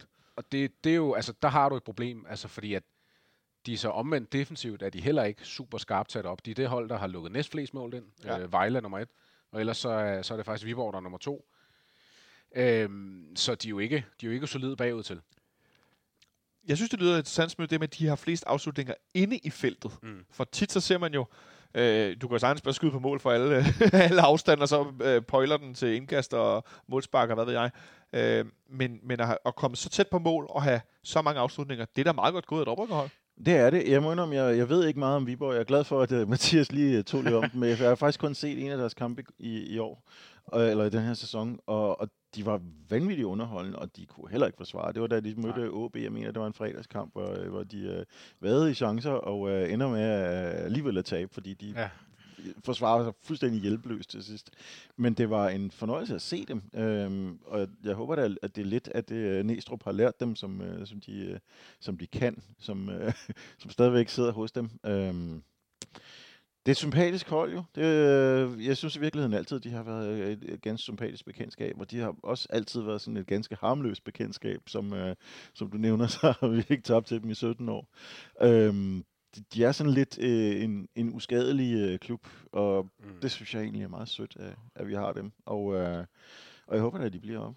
Min kæreste er fra Viborg. Øh, Og det er derfor, du sidder og taler så pænt Ja. om. og, øh, og, øh, og jeg, jeg, jeg under hendes øh, elskede klub, at det er nok, det er nok, det er nok mere håndboldholdet, hun i virkeligheden kan lide. Men øh, jeg elsker, jeg, jeg, jeg, jeg, jeg ønsker dem alt godt. Det, øh, det, det, det giver også øh, På anden lige på søndag. husfred derhjemme, undtagen på søndag Ja. selvfølgelig. Jeg kan fortælle, at deres topscorer, deres topscorer Sebastian Grønning, som også scorede temmelig mange mål i, øh, i første division.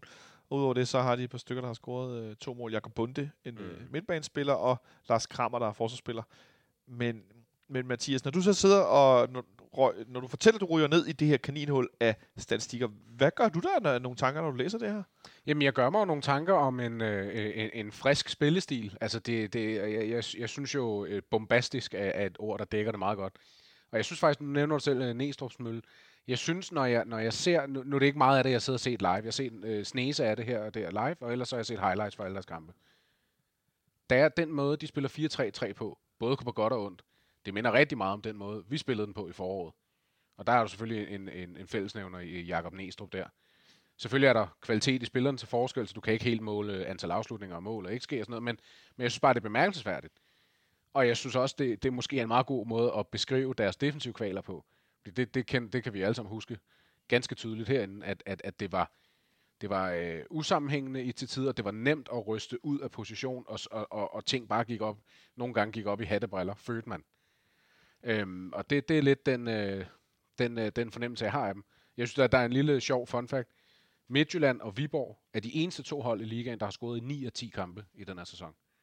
Så er, der, så er vi selv og nogle andre har scoret 8 af 10. Øh, men, men det, trods alt, Viborg og Midtjylland er de eneste, der har scoret 9 ud af 10 kampe. Så det er jo et, et, mål, et hold, der, der søger, søger chancerne og søger målene, hvilket øh, før talte øh, statistikker også understreger. Ja, det undrer mig lige, nu blev lyset slukket ind i parken, så nu er der helt mørkt derinde.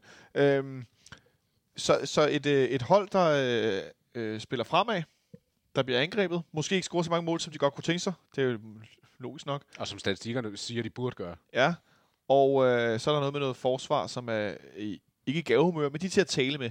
Det lyder vel som noget, som vores gode defensiv og øh, så bedre offensiv øh, vil, vil have rigtig godt af, Smølle.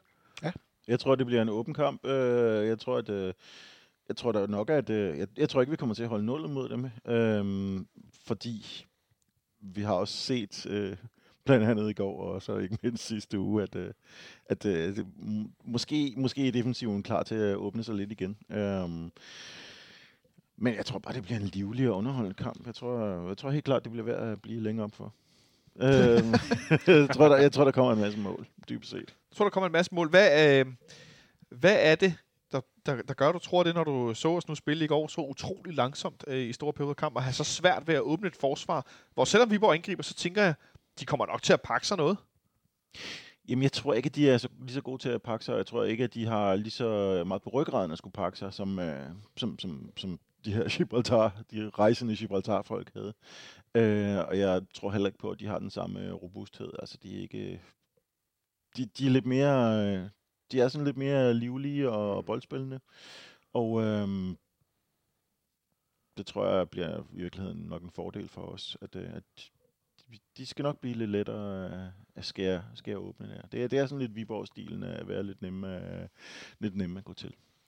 Hvem, øh, hvem hænger du din hat på? Øh, jamen, jamen, jeg vil øh, i forlængelse af, hvad Smølle siger, altså, det, det, det, det er ikke mit indtryk, hverken ud fra, hvad man hører omtalt om Viborg, når man ser øh, highlights og, og, og ting fra deres kampe. De er ikke et hold, der søger at stå dybt og forsvare en, en kamp hjem. Øhm, og, og jeg synes, de har deres problemer i området foran deres felt, hvilket jo er sød tale for os. Fordi der er plads? Eller? Der, er- ja, der er plads. Øh, det er som om, at, at, at deres positioner, de får ikke helt dækket dem nok. De ligger med den her 6 og 2 8 som vi øh, kender rigtig Ja, fint herindefra. Ja. Og der er det som om lidt det problem, vi også stød, stødte ind i med Sækker tit, at hans rum blev for stort. Øhm, og, og det her rum, der ligger ude mellem bak og 8 og kant, det er, det er sådan lidt diffus, hvem der får det dækket, og man bliver nemt trukket ud af position som hold. Jeg synes, jeg oplever øh, mange chancer, øh, øh, både mål og chancer, skabt i og omkring øh, det, det rum. Men det, det lyder da meget rart. Det lyder rigtig godt for os. Øh, jeg vil så sige, i forhold til, til hvad Smølle siger, jeg, jeg tror også, det bliver en målrig affære. Altså, vi har at gøre med, hvad der formodentlig er Superligans bedste dødboldshold. Øhm, Offensivt? Mod, ja, ja, ja, ja, især offensivt. Øh, det lyder ikke som noget for os. Nej, øh, de har jo... Øh, en af grunden til, at de har så mange chancer skabt, det er, fordi de har Christian Sørensen på deres venstre bak, som sparker deres dødbolde og kaster deres indkast. Og han kaster lang indkast, og han sparker knivskarp dødbolde. Øhm, og, og der er de stærke. Og man kan sige sammenholdt med vores... Øh, altså kan man kalde det svaghed, altså fordi det, det, det står selvfølgelig også stærkere i lyset, når man ikke lukker så mange andre mål ind. Ja. Men jeg synes alligevel, at, at, at, at 6 ud af de 16 mål, vi har lukket ind den her sæson, det er dødbolde. Fem hjørnespark og et, øh, og et frispark. Altså, hvor det er sparket ind til en, ikke direkte frispark øh, rettet af. Men 6 ud af 16, lige under 40 procent. Det, det lyder jo ikke særlig godt. Slet ikke mod et hold, der så har en, en, en ekstremt spids, spidskompetence i præcis de dele af spillet. Og så vil nogen jo sige, at Nå, men øh, hvis vi kun har lukket 16 mål ind, øh, så lu- lukker vi jo ikke særlig mange mål ind. Og så må der jo være et område, hvor man er dårligere end andre. Mm. Øh, køber du den? Øh, ja, altså man kan sige, ja, ja, man kan jo altid forbedre sig, og, og, og altså, hvis det havde været helt rædeligt på vores dødbold, så havde vi nok også lukket ind i flere kampe, men, men, men jeg synes især den der i Nordsjælland, den hænger stadig i mit baghoved, fordi jeg synes, det var, det var helt vildt så meget plads, øh, Nagalo han fik til, at- til at hætte den der ind. Og det, det synes jeg er lidt skræmmende, at man kan være så meget ude af, af sin struktur i noget, der burde være så fastsat, og som, man, som jeg også ved fra at have set det selv, som jeg ved, man træner meget. Ja. Øhm, vi øh, har talt om den her kamp i går, og vinkler den selvfølgelig over i kampen på søndag, øh, Smølle. Hvem, øh, altså, hvem, hvem er det, vi skal virkelig tro på, der kan, der kan hæve holdet efter den her kamp torsdag? For jeg tænker, at vi kommer til at se galleropstilling igen kvæg øh, landskampspausen efterfølgende. Altså, de skal vel alle sammen hæve sig. De skal vel alle sammen øh, yde mere og, og være, være i stand til at spille 90 minutter i stedet for 10. Og, og så skulle til at vække sig selv i løbet af, i løbet af første halvleg. Det, øhm, det formoder jeg også. Der jeg gætter på, at der kommer flere folk. Der kommer, øh, der kommer en anden, mere sådan vandt stemning omkring det. Jeg ved ikke, om, om man blev spooked af at spille i en ny turnering, man aldrig havde hørt om før, og spille mod nogen fra et land, man aldrig havde hørt om før, ikke vidste, om man skulle tale spansk eller engelsk til dem, eller hvad pokker det egentlig var for nogle, nogle mystiske modstandere, man havde. Men, øh, men der var sådan en underlig, øh, en underlig fjern atmosfære i går, og der tror jeg måske, det kommer til at føles mere normalt at spille øh, her på søndag, også selvom det er sent. Og øh, jeg forventer, at... Øh, jeg håber det i hvert fald, men jeg forventer også, at, øh, at indsatsen bare er mere koncentreret, og man, man ved, hvad det her handler om. Det er sjovt, det du siger med stemningen, fordi jeg var meget imponeret over, at der faktisk var fyldt på, på øh, sektion 12, på den nedre sektion 12 i går. Mm. Der, var simpelthen- der var lidt nede i det hjørne, som øh, der ofte er, også selv når der er helt fyldt øh, over mod C-tribunen. Men jeg tænker, at der nogle gange er nogle ledige pladser dernede, fordi det er nogen, der står lidt tæt inde på midten. Mm. Og så er der altså nogle sider, der ikke bliver øh, fyldt ud. Det, det er mit bud på, hvorfor. For der var altså helt fyldt. Og he- helt oppe i hjørnet, også over mod A-tribunen, der var simpelthen, der var proppet, det kunne man se. Øhm, og så var der halvt øh, åbent op på øvre. Man havde forsøgt at skærme med noget plastik. Jeg tror, det var sådan et forsøg på indirekte at sige til folk, I skal ned i den forreste del. Øh, så det ser lidt, lidt federe ud. Men altså, jeg synes, det er voldsomt imponerende, at man kan fylde øh, hele øh, neder B til en kamp mod et hold fra Gibraltar. Mm. Det synes jeg simpelthen er super, super sejt. Det må jeg sige. Det overraskede mig. Det kom bag på mig. Og kæmpe respekt. Det, og det er ikke bare sådan en evig, hele det efterår, sådan en lang ros af, hvor fantastisk sektion 12 er. Jeg synes bare, det var mega sejt. Jeg vil også sige, det var ikke øh, dernede fra, at øh, det, der var en lidt mærkelig stemning. Det var mere omkring, hvor jeg stod på, på nede og se, hvor, hvor man var sådan lidt, øh, hvad, hvad er det egentlig for en underlig kamp, der er ved at udspille sig her? klart. Det, er- det, det var simpelthen det, som, øh, som jeg tænkte på. Altså, B-tribunen var der skulle smæk på, som der plejer. Som der plejer. Det er lige præcis det, der er pointen. Som der plejer. Og det er det, der er værd at tage med. Mathias, øh, kommer vi til at se nogle afvielser fra den her galleopstilling? Øh, jeg tror det. Øh, Jeg tror, at, øh, at Lerager, han må vige pladsen, og så tror jeg, at Isak han kommer ind på midtbanen. Og det er der, hvor jeg var sgu nemlig, det ville jeg have til at spørge, hvis du sagde, nej, så vil jeg hive den kanin op og sige, kunne man se Lea have spillet så dårligt torsdag, så at nu bliver han altså lige nødt til at starte på bænken? Ja, og to ting. Både det, altså jeg synes, Lerager, han er, han er en, af de, en af dem, der præsterer allerringest øh, her i går. Men det næste er også, at, at nu talte vi lidt om Viborg, og nogle af de ting, de, de bidrager med, og den måde, de forsvarer og, og prøver at gå op i et højt pres, øh, nogle gange i hvert fald, og ikke altid excellerer i det hele. Der tror jeg, det bliver rigtig, rigtig vigtigt for os at have en, en god boldspiller inde på den centrale midtbaneplads. Ja. Øh, hvor vi har, haft rigtig god gavn- af Rasmus Falk. Ham går jeg ikke ud fra, er klar.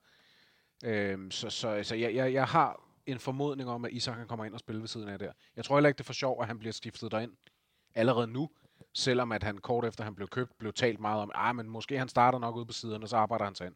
Og allerede nu er han alligevel, bliver han skiftet ind som den første i går, hvis jeg husker rigtigt, på den centrale midtbane. Så jeg tror, han starter ind. Nogle andre? Øh, nej, jeg tror ikke andre. Så en enkelt udskiftning.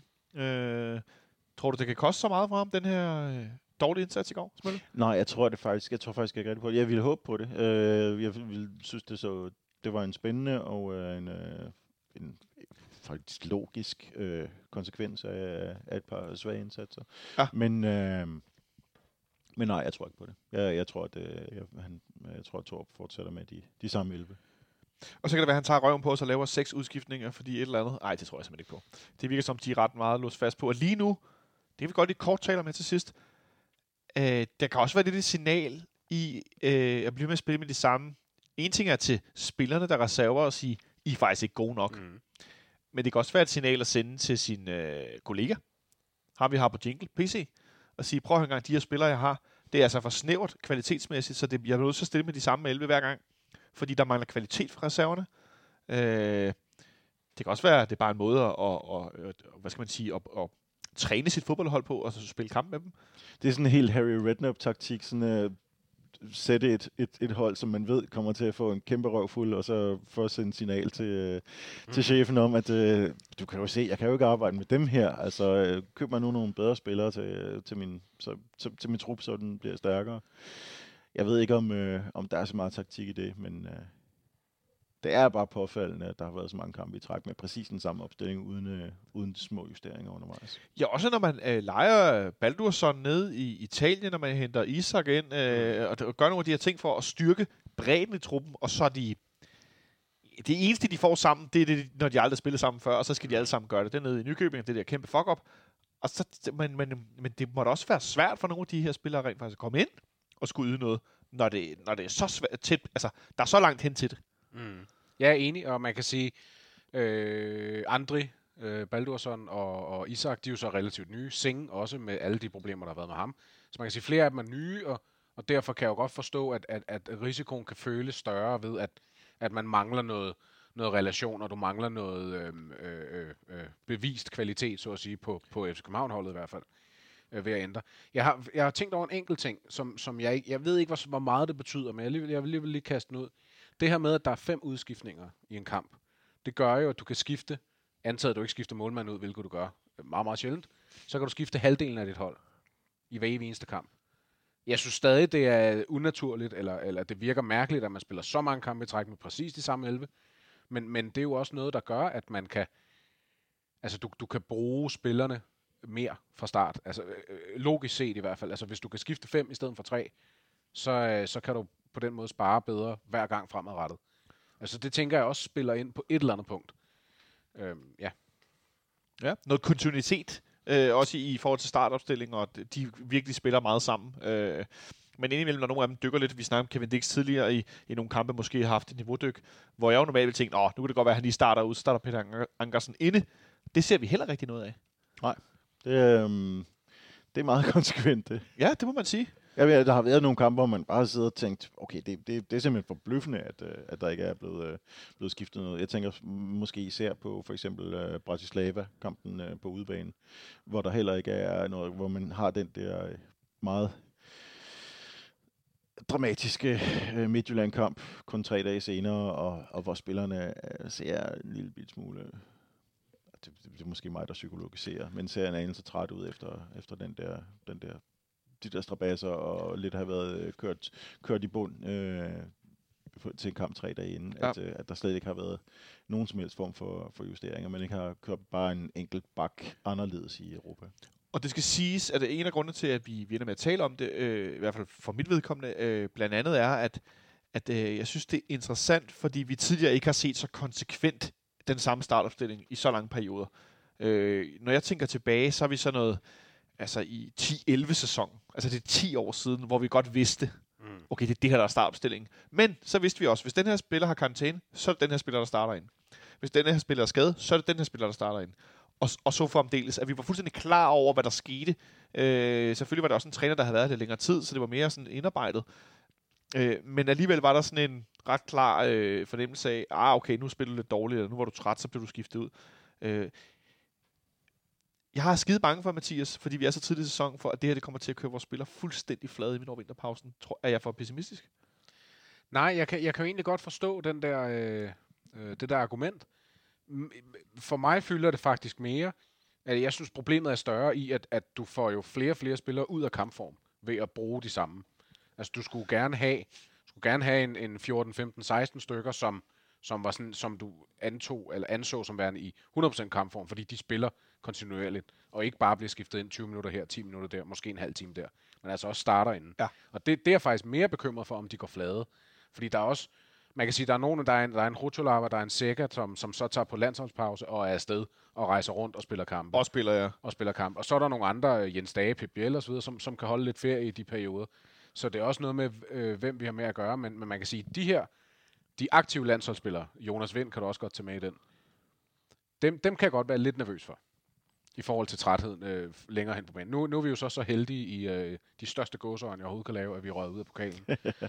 øhm, men øh, ja, jeg vil så også sige lige den her, i forhold til at spare spillere, det er jo kun en uge siden, at, at rigtig, rigtig mange blev sparet. Så, så jeg tror, behovet har måske heller ikke været så stort, øh, hvis du skal kigge kun på spare. Nej. Der, der, der, der er jeg jo så også over i den der båd, der hedder, jeg kunne godt tænke mig at få noget mere spilletid i i nogle af de, nogle af de andre spillere. Ja. Lad os se, om det gør sig gældende eller ej på søndag øh, på den ene eller på den anden måde. Måske bliver der skiftet ud tidligt i kampen. Ikke at jeg tror på det. Det vil også ændre øh, den normale øh, måde at, øh, at spille kampene på for træner bænkens side. Hvad ender kampen, Smølle? 4-2. Hold da op! Så er der gas på. Og nu Mathias er rasende, for jeg er ikke i tvivl om, at det var også var hans bud. Det var præcis, hvad jeg tænkte mig at sige. Nå, men Jamen, så, så siger jeg 5-2. Siger du 5-2? Og det er det der øh, gave, øh, gæstfri Viborg-forsvar, der jamen, det er det, men, jamen, det er det der bombastiske, hvor at, ligesom vi ser mod Nordsjælland, at hvis vi rammer det bare nogenlunde, altså vi har en, en uhyggelig effektivitet i nogle af vores forreste spillere, øh, nogle gange i hvert fald. Øh, så, så hvis man ligesom får gennemhullet det der Viborg-hold, øh, hvilket jeg tror, man gør, hvis man gør det effektivt nok, så, så kunne det godt blive, nu havde jeg så tænkt mig at sige 4-2, men siger jeg hæver den til 5-2, og vi kunne nemt lukke to mål ind mod det her hold. Ja, 4-2, 5-2. Altså jeg vil sige, det jeg tror, der er mest i det øh, for mit vedkommende, det er, at jeg er også med på, at vi holder altså ikke nullet. Nej, det tror jeg heller Det ikke. gør vi simpelthen ikke. Øh, jeg tror til gengæld, vi vinder 4-1. Øh, og ja, vi lukker et mål ind, enten direkte på en dødbold, eller efter en dødbold med noget, eller det vi så i går, sådan noget øh, pingpong frem og tilbage. Øh, det tror jeg godt, vi kan øh, forvente os, at der har vi altså bare stadigvæk ikke øh, super skarpe. Hvilket er spøjst, når vi er så gode til at angribe på dødbold. For der er vi øh, i mig væk øh, stærke. Nå, jeg tror, det var ordene for i dag. Er der nogen, der har noget, vi skal snige med, øh, snige med til vores medfans her på, på falderæbet? Mathias? Øh, ja, ja, nu kommer jeg selvfølgelig i tanke om, at der, der er jo lige den der lille ting, at Sega og Rotjolava og Lerager, de er alle sammen er i karantæne ved næste gule kort. Ja, og hvem, hvis de nu får et gult kort, hvem er det så, de er så ude mod? det Sønderjyske ude. Ja. Øh, så det kan godt være, hvis Falk så ikke er klar, og Lerager og, Le og Sega formår at rende gult kort til sig, så kan vi jo ende i noget, noget spændende noget i, i Haderslev. Bum, bum. Øh, den skulle jeg lige have med. Ja, så det kan I holde øje med på søndag. Øh, og stå og rive jer i håret, eller klappe, når de ikke får gult ja. kort. Øh, men de skal jo have det på et eller Der er andet tidspunkt. sikkert mange, der, der hellere vil have dem der, og så er de ude mod, øh, mod Sønderjysk, enten næste, som så vidt jeg husker er i Herning. Jamen, Lerager må for min skyld gerne øh, lade være med at tage den her, og så spiller han, når Sega har fået den mod Viborg, og så får S- Lerager den mod Sønderjyske. Man kan også overtænke det jo. Det, Ja, ja. ja, ja men, det? lad os, lad os, Nå, i men der er garanteret ikke nogen af dem, der får gule lad os i hvert fald håbe, at der ikke er nogen af dem, der giver sådan et, øh, sådan et øh, Sergio Ramos-agtigt interview om, at øh, jamen, det var jo... Ej, det var så jo, det var jo bevidst, det her. Nå, okay, så får du lige en dag til. Ja.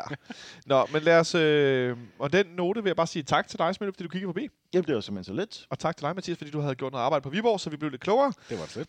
Og tak til dig, medfan, fordi du lyttede til vores podcast, FC Københavns Fanradio. Det her var episode nummer, skal jeg lige se her engang, øh, 337 i Fanradioens øh, historie. Øh, der er nogle af jer, der stadig donerer nogle penge til tier.dk, så vi indimellem kan købe for eksempel et nyt headset forleden, efter jeg jo sad med en håndmikrofon hele aften til vores øh, transfer deadline day lukning nede i fanklubben. Øh, nu har jeg faktisk en ny headset på, for det skal være løgn, og det lyder jo forhåbentlig, synes I, øh, ordentligt i forhold til det her skratteri, vi havde nogle gange. Så det er med kæmpe stor tak, at I, øh, i skal vide, at det betyder noget for os, når I, øh, I donerer et lille beløb.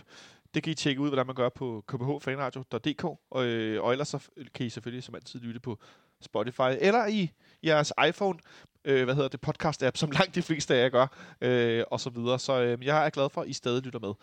Øh, og så til sidst, efter det var en europæisk uge med danske hold, så tror jeg bare, at jeg siger tak for i dag ved lige at trykke på den her knap.